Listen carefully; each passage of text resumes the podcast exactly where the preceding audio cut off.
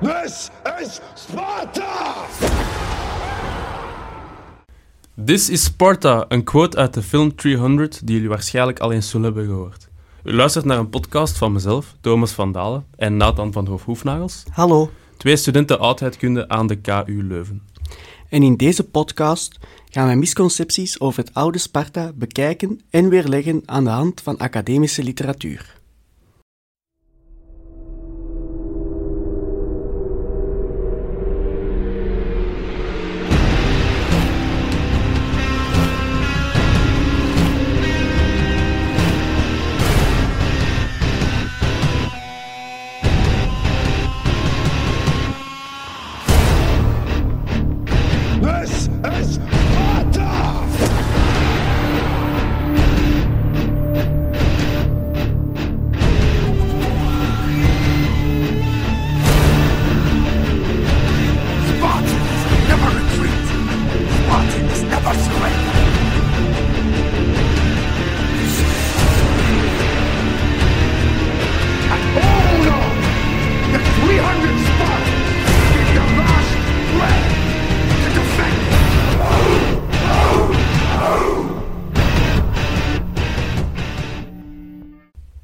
Waar komt dat beeld van dat donkere, militaristische Sparta nu eigenlijk vandaan? Wel, dat beeld komt eigenlijk van de antieke Griekse auteurs. Eh, Auteurs zoals Xenophon hebben eh, met eh, veel vooroordelen geschreven over ehm, het oude Sparta. Zo heeft hij een werk, de Agesilaos, geschreven, waarin hij de Spartaanse koning ophemelt. Daarnaast is ook nog een andere historiograaf, genaamd Herodotus, ook wel de Pater Historiae genoemd, de vader van de geschiedschrijving, die ons in zijn werk, de Historien, bericht over misschien wel de meest tot de verbeelding sprekende slag uit de antieke oorlogvoering, de slag bij de Thermopylen, waar de film 300 over gaat. This is Sparta!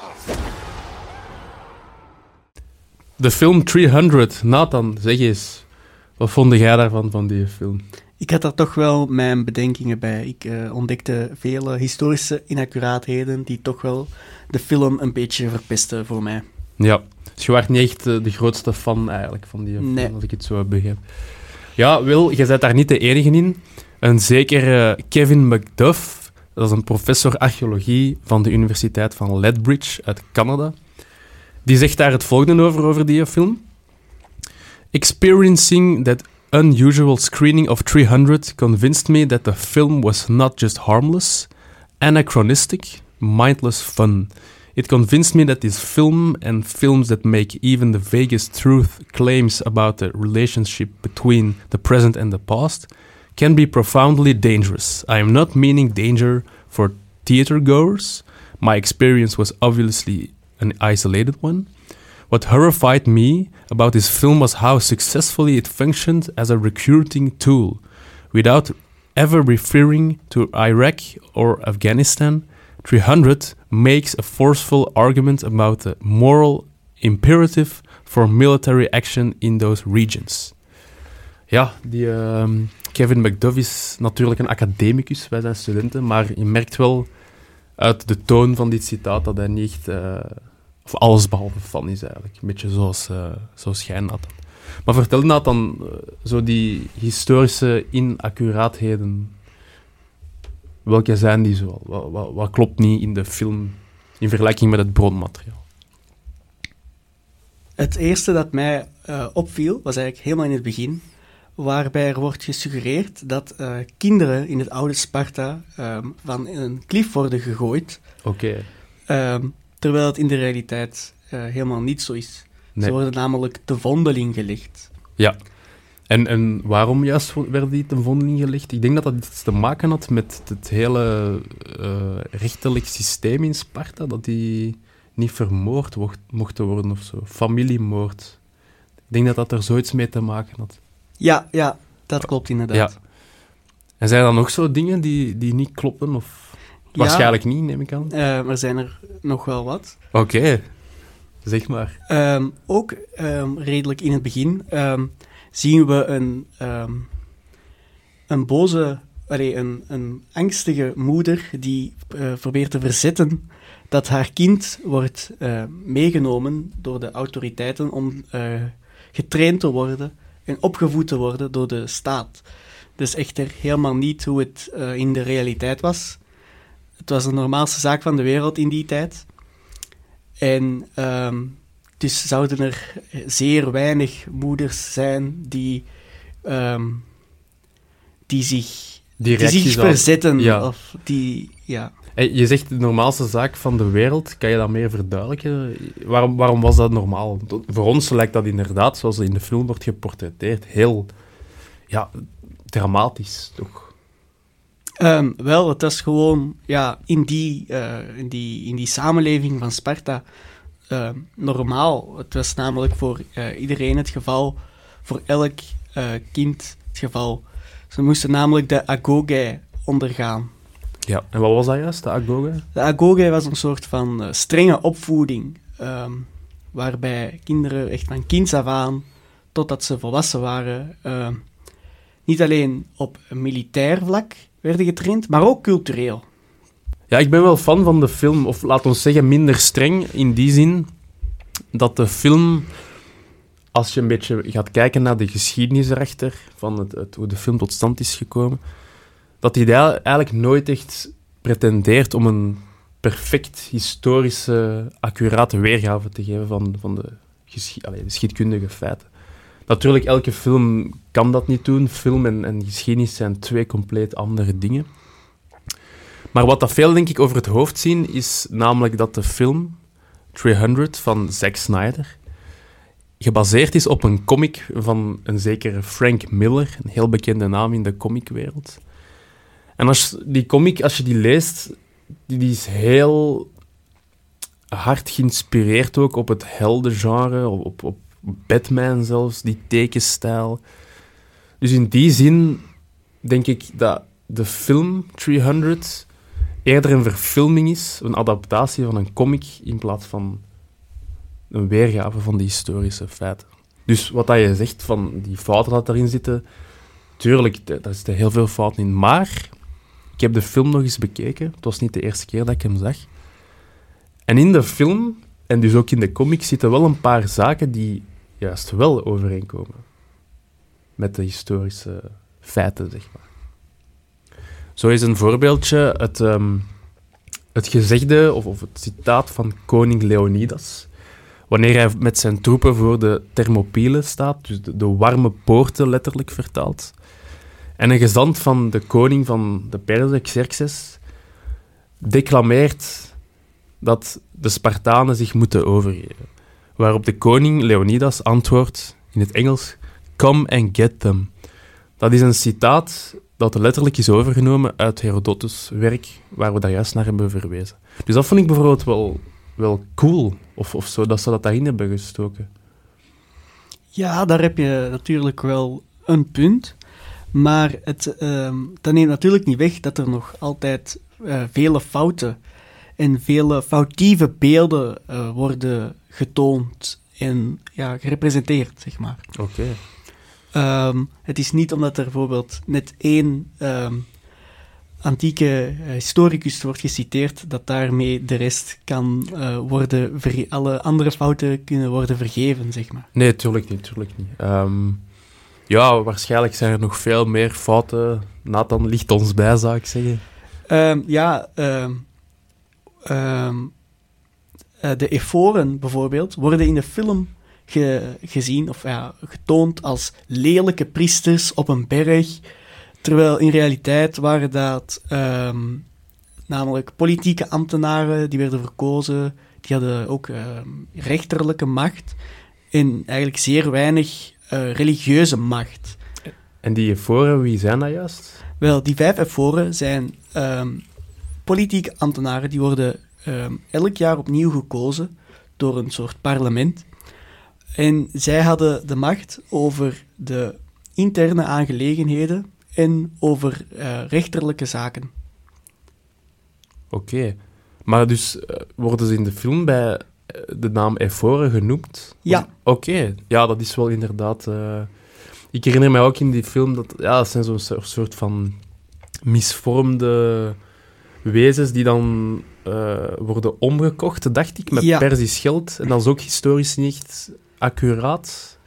Ik weet bijvoorbeeld een ander personage in de film met de naam Ephialtes, die ook zeker in de, het historisch bronmateriaal voorkomt. Die wordt ook afgebeeld als een soort van ja, Quasimodo-achtige eh, verklikker, want dat is het ook. Maar in feite, als we kijken naar wat de antieke historiografen daarover schrijven, kunnen we niet echt opmaken dat dat een of andere... Ja, in de film wordt hij afgebeeld als een verstoten soldaat die niet bij de 300 soldiers mag gaan vechten. Wat dat bovendien ook nog eigenlijk iets, is wat belangrijk is om te vertellen.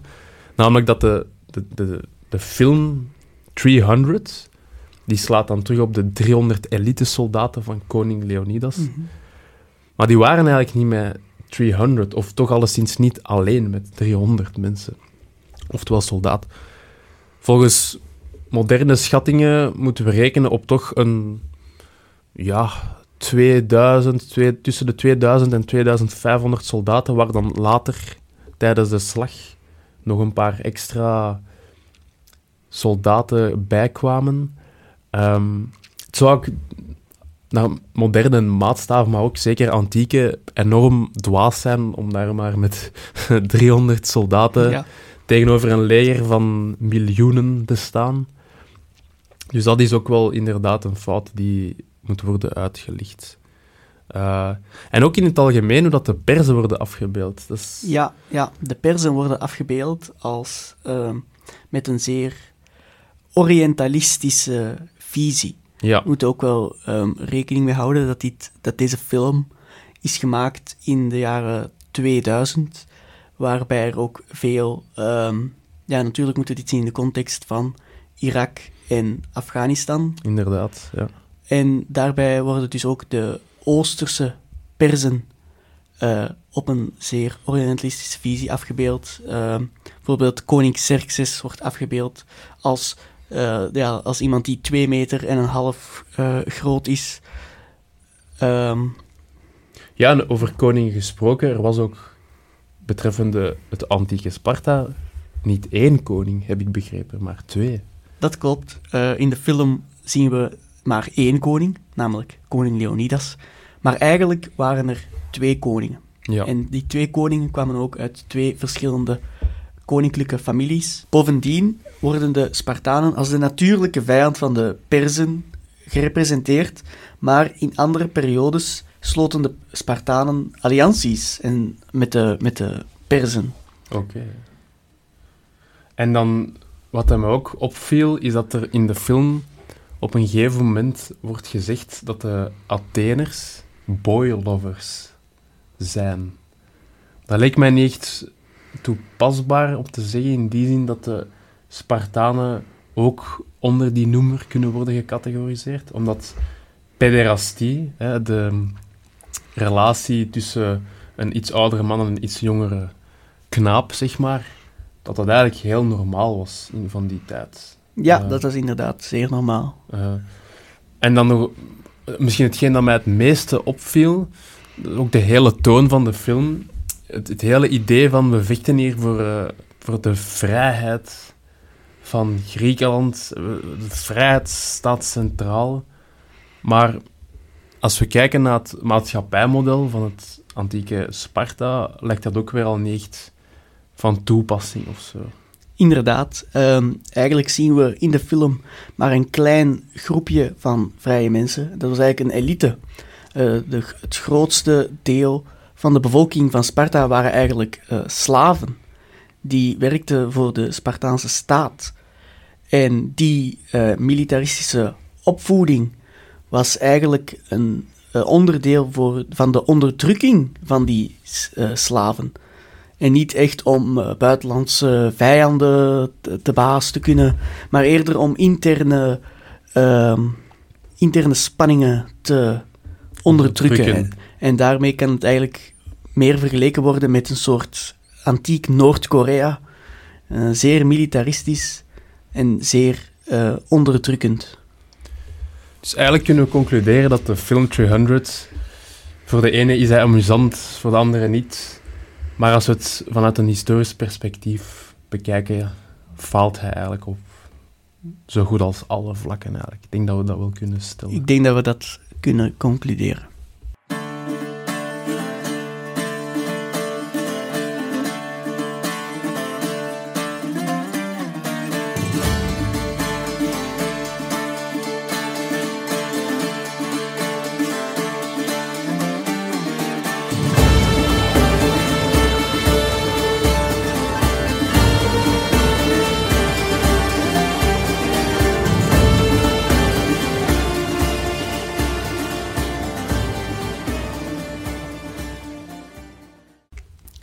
Film 300 is niet de enige recente eh, afbeelding van het oude Sparta. Er is recent een game uitgekomen genaamd Assassin's Creed Odyssey. En jij, Thomas, jij hebt dat gespeeld zeker? Dat klopt. Ik heb dat spel een paar jaar geleden gespeeld. Ehm, en ik moet eerlijk zijn, zowel vanuit mijn achtergrond als historicus in opleiding, als fervente gamer, dat ik eigenlijk aangenaam verrast was door dat spel. In die zin, vooral dat die game vrij tot zeer waarheidsgetrouw is. Ehm, met name kan je dat merken door de zogenaamde Discovery Tour. Dat is een optie dat het spel aanbiedt om het antieke Griekenland te ontdekken. Ehm, zo kan je bijvoorbeeld naar het antieke Sparta gaan. En dan leer je over de Agoga, die je daar juist al hebt vernoemd, hè, die opleiding die de Spartanen van jongs af aan hadden. Je leert iets meer over de Heloten, die slaven, die dat uh, in, in Sparta leefden. Je leert over de geschiedenis. Um, het spel opent bijvoorbeeld met de slag bij de Thermopylen. Dus je volgt dan, heel cinematisch natuurlijk weergegeven, volg je koning Leonidas, die uh, met zijn troepen, die met meer dan 300 zijn, zoals de film 300 doet vermoeden. En naarmate je het spel speelt, leer je het, klassieke Griekenland uh, ontdekken. En heel interessant is dat de daar juist vernoemde Herodotus, dat is een personage in het spel. Dus de, de man die de historie schreef, die vergezelt je op, op jouw schip en die geeft allerhande informatie over de maatschappij van toen, het antieke beeld. Ehm, en dat vind ik vooral echt een meerwaarde. Dat, een, dat geeft het spel ook een, een zekere authenticiteit of zo. En heel die maatschappij van Sparta dan meer specifiek komt heel goed aan bod. Ja, dat lijkt me wel heel interessant. Mhm. Uh, ik heb recent een artikel gelezen waarbij, uh, waarin stond dat uh, Assassin's Creed Odyssey in een leerplan geschiedenis is terechtgekomen en dus op school werd gebruikt om meer te leren over het antieke Griekenland. Oké. Zie, zo zie je maar dat, dat dit medium hè, van een game wordt heel vaak bekeken als een, een heel slecht iets voor, voor de jongere generatie. Maar zo kan dat ook dienen als iets heel leerbaar. Uh, leerzaam, liever gezegd. Dus ik ben alleszins fan en ik zou zeggen aan alle luisteraars, en Nathan, jij ook, ga het spel zeker spelen als je de kans hebt. Het is niet alleen, zoals ik al zei, heel leuk, maar ook heel, heel leerzaam. Dat zal ik zeker doen.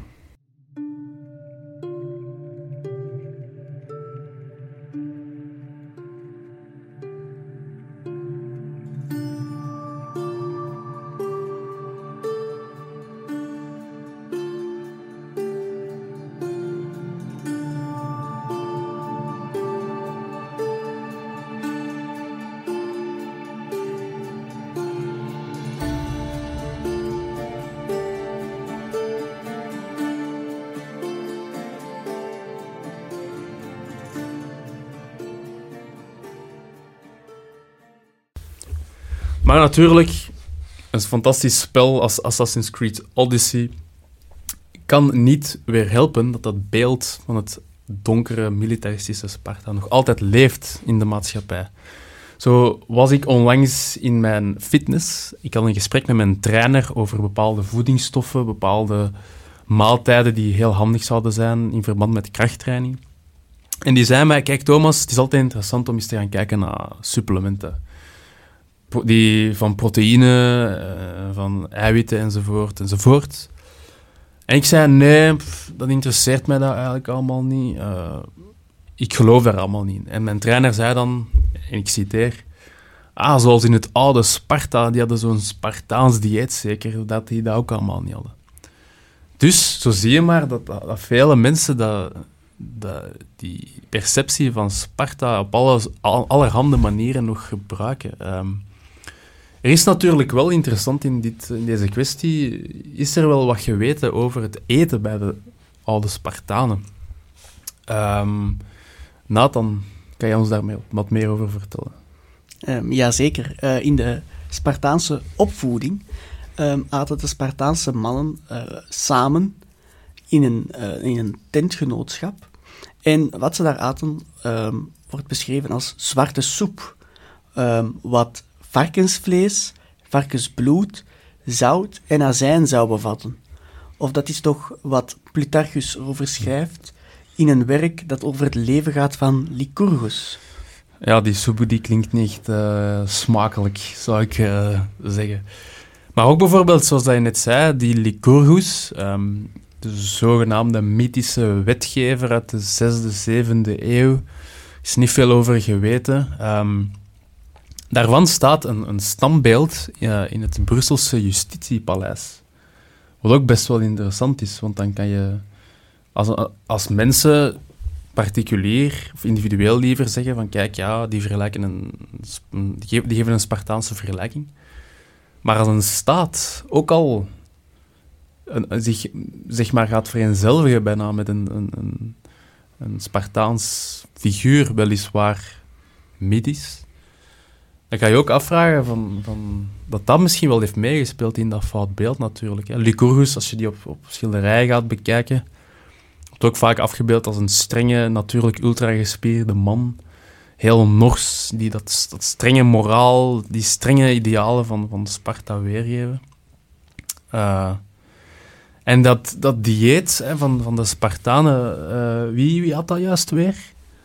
Dat, of, of die, die soep, dat was zeker iets van een... Mocht iedereen die eten? Of? Nee, nee, dat was enkel voor de kleine en militaristische elite en zeker niet voor de slaven. Ja. En dus als ik het goed begrepen, Nathan, ehm, als we denken aan Spartanen, denken we in feite eigenlijk aan Spartiaten, die selecte eliteklassen eigenlijk. Ja, dat klopt. Ehm, dat beeld zien we ook terug in de film 300. Ehm, en bij de Romeinen waren de Spartiaten zelfs met zo weinig dat ze een toeristische trekpleister werden. En ja, dus die elitegroep was al heel select. Hoe kwam het dan dat die onder de Romeinse periode met zo weinig waren? Omdat je aan zeer strenge voorwaarden moest voldoen. Je ouders moesten Spartaans zijn, je moest de militaristische opleiding, de agoge, hebben genoten. Je moest genoeg grond, kunnen, eh, gro- genoeg grond bezitten en je moest kunnen bijdragen aan de gemeenschappelijke maaltijden, de syskiniae, waarover we eerder al hebben gesproken. En als je dat niet kon, dan werd je uit de groep van de Spartiaten gegooid. This is Sparta! Dus Nathan, als we even recapituleren wat we hier net hebben besproken. Dat beeld van het antieke Sparta is eigenlijk al sinds de oudheid gekleurd. Ja, dat klopt. Ehm, en daar heeft de antieke Atheense auteur Xenophon een grote rol in gespeeld. Ja, met zijn Agesilaus, het werk van de Spartaanse, of één van de Spartaanse koningen. Ehm, en ja, zoals je al zegt, het was een Atheense auteur. en we hebben zo goed als geen Spartaanse bronnen eigenlijk, die, die iets, iets zeggen over de maatschappij. Waarom? Omdat de Spartanen niet een, een, een literaire cultuur hadden. Die, die, deden daar niet aan, terwijl Atheners daar wel heel erg mee bezig waren. En natuurlijk, ja, films als 300 zetten die foutieve traditie verder. Hè. Van dat, dat, dat- die foutieve beeldvorming. eh. en ja, 300 is eigenlijk zeker niet de enige film eh, die die misconceptie in zich draagt. Er zijn er nog heel veel. Inderdaad. Eh, maar er zijn ook recentere tendensen die een juiste beeldvorming geven, zoals Assassin's Creed Odyssey. Ja, daar, zoals ik al zei daar juist, dat is een hele authentieke bijna accurate weergave van, van hoe het vroeger zou geweest zijn. Het is natuurlijk een reconstructie, maar een heel goede reconstructie. En dus ja, op, op de vraag, om, om op de vraag te antwoorden van... Was Sparta nu eigenlijk zo die donkere militaristische staat? Dat was het voor een groot deel zeker wel. Sparta was een staat, een stadstaat uh, omgeven door gebergten in het binnenland van de Peloponnesos, dus het, grootste eiland, schiereiland van, van Griekenland. Um, maar natuurlijk, als de, ve de velen onder ons denken aan Spartanen, denken ze voornamelijk aan Spartiaten. Dus die kleine elitegroep uh, die heel moeilijk was om, om, om, om te betreden of om daar onderdeel van, van te worden. Inderdaad. Um, en het was militaristisch, maar vooral, denk Nathan, dat we dat kunnen zeggen, intern gericht. Ja, inderdaad, intern gericht. Want bijvoorbeeld uh, bij de Peloponnese oorlogen wou Sparta zich eerder afzijdig houden, maar het is door Spartaanse bondgenoten, zoals Corinthe, um, dat Sparta eigenlijk betrokken werd in een oorlog tegen Athene. Okay, dat, dat, geeft dan wel een heel andere, ander beeld, andere visie van, van het oude Sparta. Maar goed, hierbij zijn we aan het einde gekomen van onze podcast. Ik hoop van harte, en dat dan ook natuurlijk, dat ja. jullie ervan genoten hebben, dat jullie iets hebben bijgeleerd en dat jullie vanaf nu eens en voor altijd het juiste beeld over het antieke Sparta zullen onthouden. Ik en Nathan dank jullie alvast voor het luisteren van onze podcast en we wensen jullie nog een fijne dag verder.